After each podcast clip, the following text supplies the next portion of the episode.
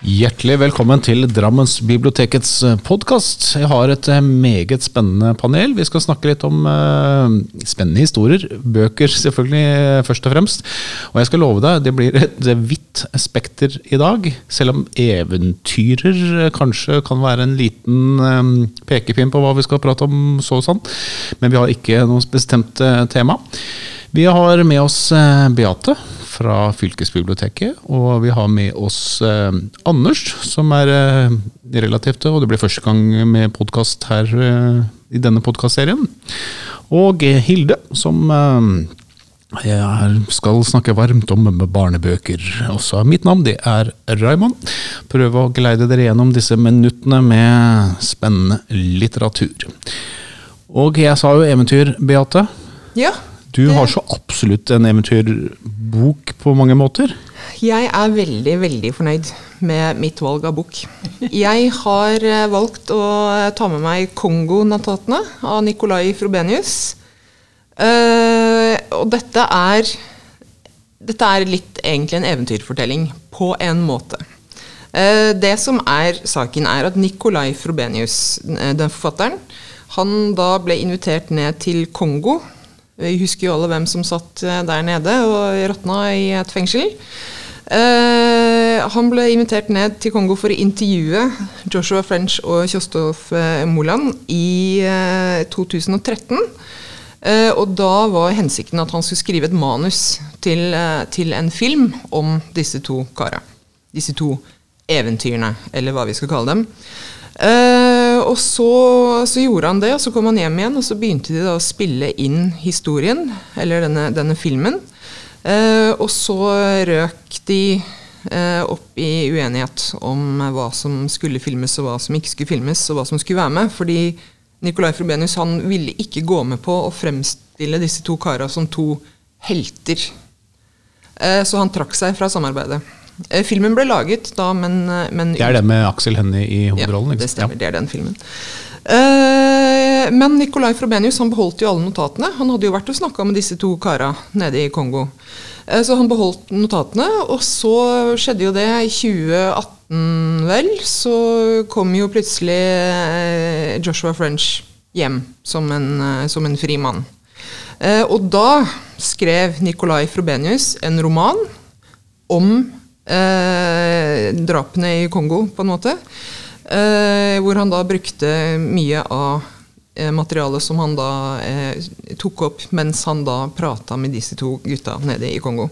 Eh, og så står det jo selvfølgelig, veldig viktig å understreke hele tiden, det er fiksjon.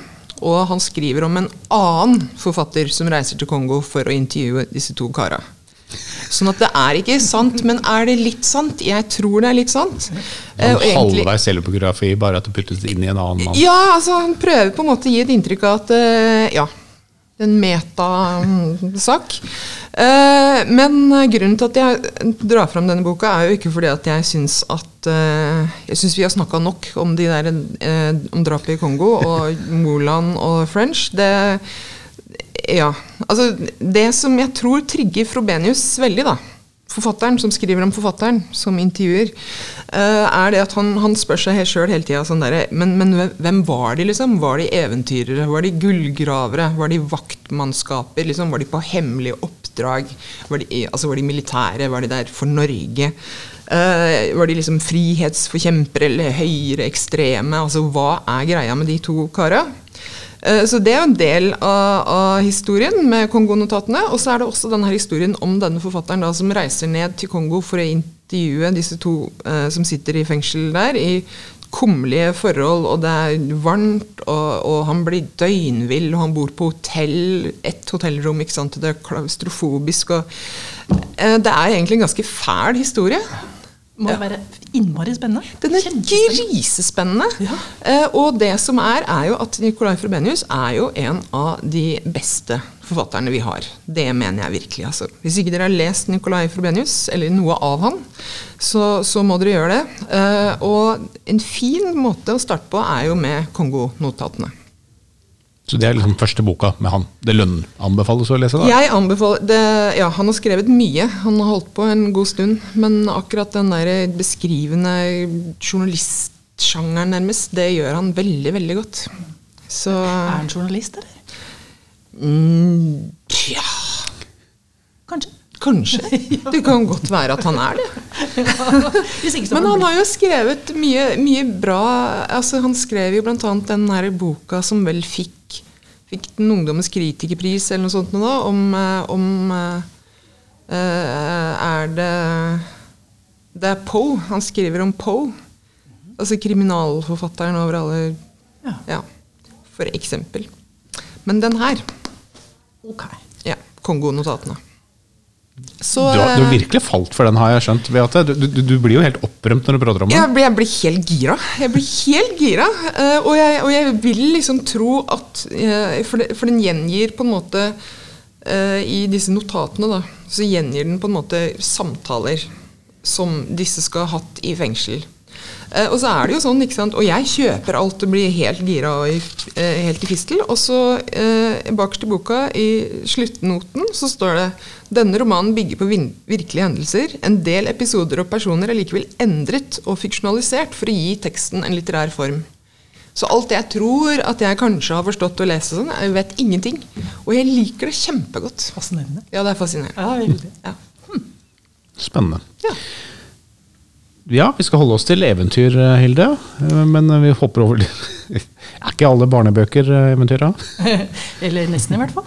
Jeg lurer på eh, om Henrik Hovland også er, er litt eventyrer. Altså, I hvert fall så er han født i Drammen, og det er ikke så verst, det heller.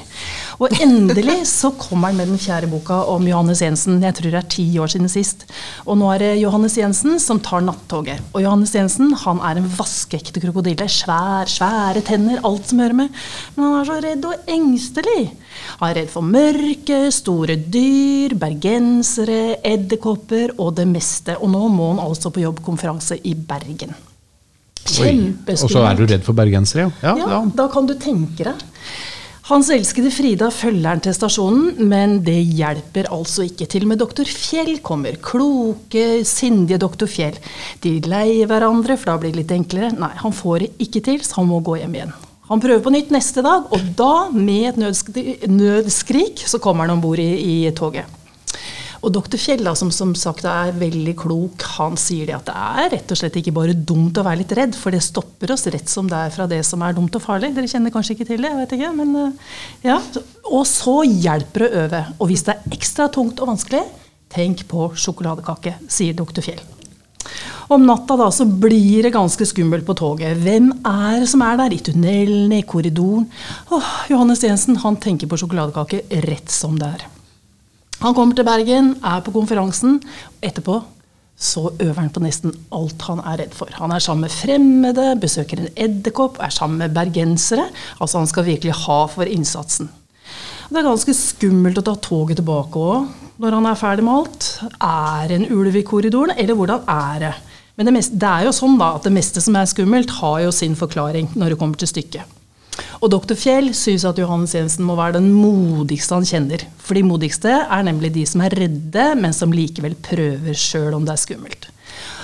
Og det er altså, Du blir så glad Johannes Jensen, og så er det litt gjenkjennende òg. Og så er det mye klokskap og varme. Og så er det herlige illustrasjoner av Toril Kove, som jo faktisk er en Oscar-vinner. altså. I 2007 fikk hun det Oscar for beste kortfilm, så det er ikke så verst. Johannes, Johannes Jensen, det er bare nevnere. Jeg, jeg, jeg håper jo Altså, jeg har lest mange bøker om Johannes Jensen, og og når Johannes Jensen nå tar nattoget, så håper jeg at det er med NSB.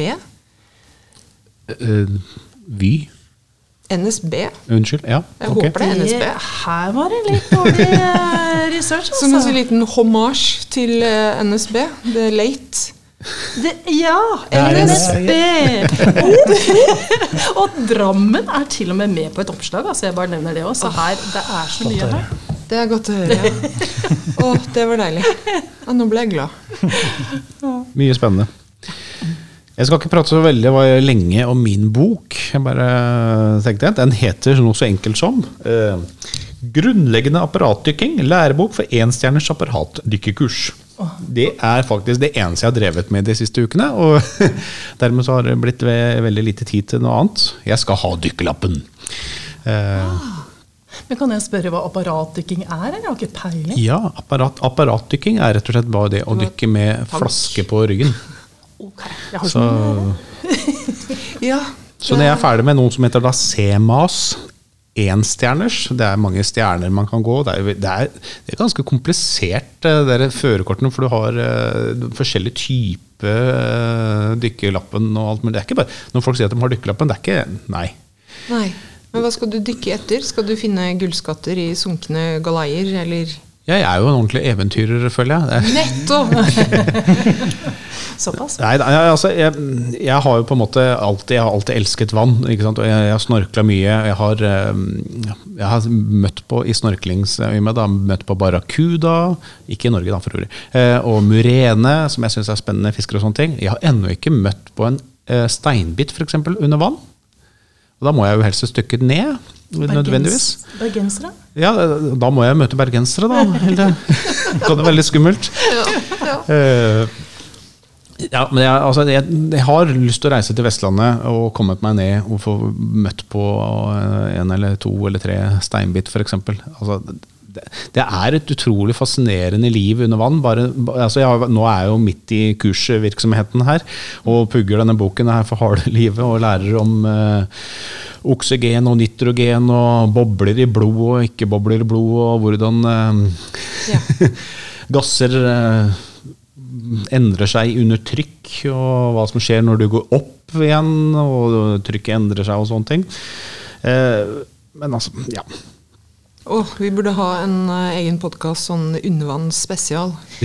Ja. Ja, men altså, det, var det, det jeg skulle fram til var at nå, nå, Vi har jo vært og øvd litt. altså Vi driver og trener på å ta ut uh, det munnstykket, sånn, da, som det heter, uh, som, som du puster med, og, for du kan jo miste det. Hva gjør du da? Hva skjer hvis du mister maska og skal ta den på deg igjen? Du må jo tømme den for eh, vann, nødvendigvis. Under vann. Du kan jo ikke svømme opp for å gjøre det hvis du er langt nok nede.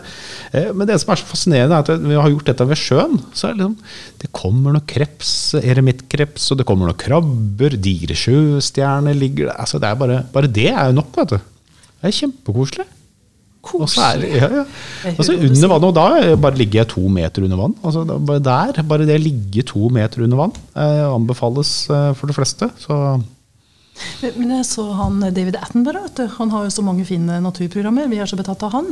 Og han er vel over 90 år, og han var med en sånn spesiallagd spesiallag dykkerklokke og dykka ned til den eh, hva heter det, største, meste dybden ever. Marianegropa.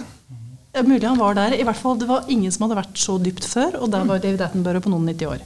Ja. Så det, det er alvor for seg, tror jeg. Nei, nei, nei. Og da, men da har blir rik gammel mann, så får du reist overalt. Jeg gleder meg. Da har du spesialutstyr, for jeg har nå lært meg at etter 70 meter ned i vannet, så blir oksygen giftig. Da kan du ikke puste oksygen. Det tåler vi ikke. Under to meter. 70 meter. Å, jeg synes det er 70. Så tenkte jeg, jøss, da er det et under at jeg lever. Jeg er jo veldig glad i å drive med sånn synkronsvømming eh, og sånt på, på egen hånd, da. Ja, ja, ja. Det, hadde vært, altså det er litt sånn ille, for badebassengene i Drammen og i Krokstadelv og sånne ting er jo fire meter dype. Ja. Det hadde vært litt kjedelig. Mange dødsfall. Det hadde vært litt kjedelig. Det hadde vært en bok. Synkronsvømming på, på egen hånd, det kunne jeg kanskje klart òg. Ja. Skal jeg tenke litt Det på. er kjempefint. Masse elementer. Jeg har bl.a. en som jeg kaller ubåt. Og hai. Mye fint. Spennende. Ja, Det finnes jo fridykkerkurs, eh, Beate. ja nei, jeg syns ikke at jeg trenger det, egentlig. Jeg synes, uh, Nei, ja. Det er også spennende ting. Man kan eh, faktisk gå fryktelig langt ned uten eh, dykkerflaske. Ja, jeg har jo sett uh, Det store blå. Det var jo favorittfilmen min i mange år. Handler om fridykking. Oi. Ja, hvor man følger en sånn Man er vel ute et eller annet sted hvor det er fryktelig fryktelig kaldt. Et eller annet sånn islagt vann. Og så slipper man da en tung sak ned, og så hekter man seg på. Og så bare forsvinner man langt ned i dypet, og så skal man liksom opp igjen. Ja. Ja. Det anbefales kanskje ikke. Ja, ikke uten at du har trent, i hvert fall. Eh, Tren mye før du gjør det. Det er eh, det eneste jeg driver med nå, er å gjenta det jeg har lært om igjen, om igjen, om igjen. Men det er vel som å gå på skolen. Men da begynte du å snakke om film, Beate. Ja. Helt perfekt eh, tidspunkt for å introdusere Anders. Men egentlig introduserte du å snakke om film, men da fikk du kanskje lyst til å snakke om bok likevel? Eh, Jeg kan godt snakke om en bok først. Ja. Eh, Ta det litt på sparket her. Eh, da begynner jeg med en sci-fi-bok av eh, en kinesisk forfatter. Han vant eh, største, prisen i sci-fi-sjangeren, Nebula-prisen, for den filmboka her. da. Den heter da 'Trelegemet-problemet' av jeg veit ikke hvordan uttaler han hans, men Sixin Liu. Chixin Liu, jeg er ikke helt sikker på hvordan man uttaler det. Eh, han har da også skrevet en eh, manuset til den mest innbringende filmen i Kina noensinne, 'Wandering Earth'. Eh, den filmen er ikke veldig bra, men han er veldig god manusforfatter og veldig god forfatter. Eh, Treleggingsproblemet da, den handler om eh, Jo mindre du sier, jo bedre er det egentlig. Men veldig godt forklart så er det en eh, nanopartikkel Eller nanoforsker som eh, finner ut at plutselig at overalt i hele verden så slutter eh, fysikkens lover å fungere. Eller rett og slett, det går ikke an å forske på fysikk lenger. fordi alltid, med en gang de kommer til et punkt i, innenfor enhver gren, så stopper ting å gi mening. Eh, og eh, det gjør at forskere og høyt intellektuelle over hele verden begynner å bli gale. Tar livene sine. eh, det oppstår skjulte samfunn som driver med rare ting. Og det oppstår også et helt nytt videospill, VR-spill, altså virtual reality-spill, som tydeligvis ikke kommer fra jorda. Det er noen andre som har lagd dette VR-spillet. Og det blir veldig populært blant disse høyintellektuelle folkene. Så er det en sammenligning der da, hvorfor dette spillet har oppstått, og hvorfor ting slutter å fungere. Og så utvikler det seg videre derfra. Eh, den er veldig interessant både fordi det er en ekstremt god sci-fi-bok, så den har det sci-fi er best på, og det er nye ideer. Så du liksom blir mindblown, som det heter på godt norsk. Så egentlig, egentlig så lærer man da om sånn framtidsvisjoner, altså hvordan egentlig framtiden vår kommer til å bli. Det er jo mye, noen, mange gamle sci-fi-bøker som, Ja, har Kan bli. Ja, jeg håper virkelig ikke det kommer til å bli sånn som denne boken, for å si det mildt. Uh, det har vært kjipt. Uh, men den er veldig interessant fordi den har, kommet med nye ideer hele tiden, og det eskalerer. Det er altså en trilogi av bøker. Det er bare første boka, og det bare eskalerer i hvor sinnssykt den blir jo lenger man leser. Så man tenker liksom etter første bok wow, det var ekstremt interessant, det her kan ikke toppe. Bok nummer to topper den med en helt vill idé. Bok nummer tre er det eh, helt hinsides. Eh, mange mange måneder siden jeg har lest det her. Og du sitter og tenker på det i evig tid etterpå. Hva, hva går det her? Og hva skjer nå? Hva betyr rom? Hva betyr tid? Eh, Hva betyr menneske? Altså, det er veldig store spørsmål han stiller. Eh, han er kanskje ikke den mest eh, observante menneskelige relasjons... eh, Eh, og drama der er han ikke helt på topp, som mange sci-fi-forfattere er. Men han, det hjelper på at han skriver fra Kina. Så perspektivet hans er litt annerledes enn oss fra Vesten. er, fly, er det flyvende mennesker og sånn, eller? Altså, når de slåss og sånn? Nei, det er ikke så mye action. Det er litt det òg. Men, men den er veldig brutal. For det virker som i Kina så er det De har litt annerledes moralsyn og sånn. Og det er satt starter i kulturrevolusjonen til Mao, som var Ganske- veldig brutalt. Eh, brutal, ja. og det har jo formet det kinesiske samfunn, og det gjenspeiles i boken. Eh, så det er en veldig interessant tilnærming til nesten alt mulig. Det føles litt sånn alien, som passer egentlig veldig bra til sci-fi. Eh, så den er veldig interessant, og hvis du leser første boken, så blir du veldig interessert i å lese de to andre, som enn ikke er kommet på norsk ennå, men da har man noe å glede seg til. Ikke sant? Ja. Men, vi, vi må jo lese i rekkefølge, eller?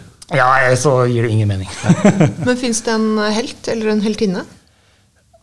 Eh, det finnes en hovedperson. Eh, om han er en helt, det kan være opp til enhver. Eh, men ja, jeg husker ikke navnet på den, det er en stund siden jeg har lest denne boken. Men eh, den skifter hovedperson hver bok, og innad i boken også så er det flere hovedpersoner. Og, og som i Kina så er det ikke et individualistisk syn, er liksom ikke åssen de tenker. Så Ja. den er litt annerledes satt opp, rett og slett. sånn sett. Det er ikke kjempeskummelt, da? Jo, faktisk. Men ikke sånn eh, skrekkbok, så er det jo det er skummelt fordi det er et monster på gang. Her er det sånn skummelt fordi det er ikke mening, og det er intellektuelt uforståelig. Så det er en annen form for skrekk. Skremmende, eh, liksom? Eksistensiell, eh, vitenskapelig skrekk, kan man nesten kalle det. Sånn, eh, Mennesket er ikke, kan ikke forstå verden. Den skrekken den bygger på.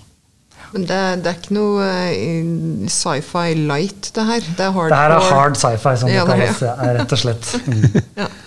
Så det er fordi Jeg tror enhver kan lese det, men uh, hvis du ser etter uh, gripende personskildringer, så er det ikke det du får her. Det er eh, kule nye ideer og Vi er midt oppi en sånn sci-fi-periode, for nå kommer jo nieren i Star Wars. Ikke sant? Ja. Men, eh, men det, vi kan ikke sammenligne dette. Nei, det er, det er på hat i helt andre siden. Men det kommer, de har kjøpt manuset til den boka her, så kan det komme en film. Eller en TV-serie, tror jeg er eh, planen. På HBO, tror jeg. jeg er ikke helt sikker. Så. Veldig populært. Ja, spennende.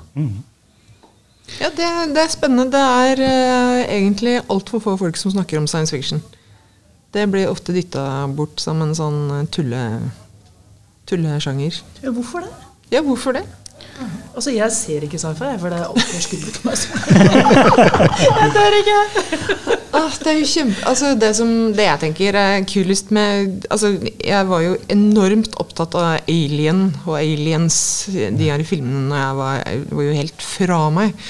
Uh, og elska Ellen Ripley, så jeg holdt på å dø. Uh, og det var monstre, og det var romskip, og det er Altså, verdensrommet er jo kjempekult. Men, uh, men det er jo litt av kravet til en science fiction. Ja. Men nå var jo de filmene spesielt gode, da, for de holder seg jo den dag i dag. Ja, Ja, Det er, eh, Det det er ikke så fryktelig lenge siden jeg så den med en eh, 14-åring. 15 år var den. Eh, Og liksom, ja, nå, vi, putter den på, vi putter den på Alien-filmene. Han eh, krøp godt inn i armskroken til mamma, gitt. For det, det blei faktisk ganske skummelt. Det Og det er herlig. Og dette er gammel film, altså. Ja, det er det. Ja, det er det. Og det er jo sci-fi i åssen den er liksom, eh, hva den har på seg. Men eh, sjangeren er jo For Alien er jo skrekk. Det er jo Alien-monster er Ja, det er det jo. den store stygge ulven. Og Aliens er jo en actionfilm. Vi skal eh, prøve å drepe monstrene.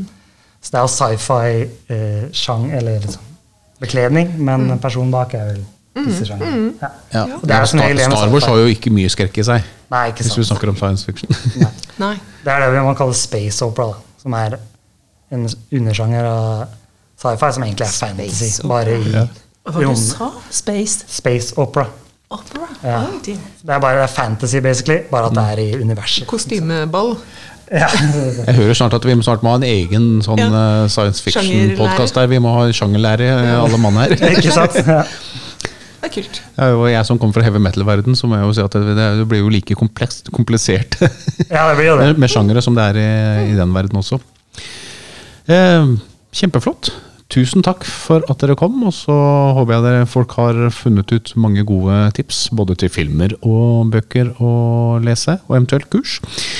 Eh, Anders, Beate, Hilde og Raymond takker for seg, så høres vi igjen.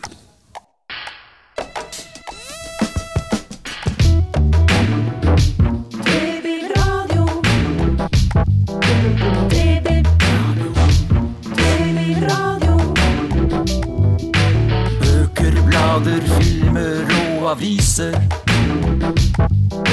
Bilder, data, spill, musikk og nett. Myldring, lesing, leking og læring. Utstilling, turnering og kultur.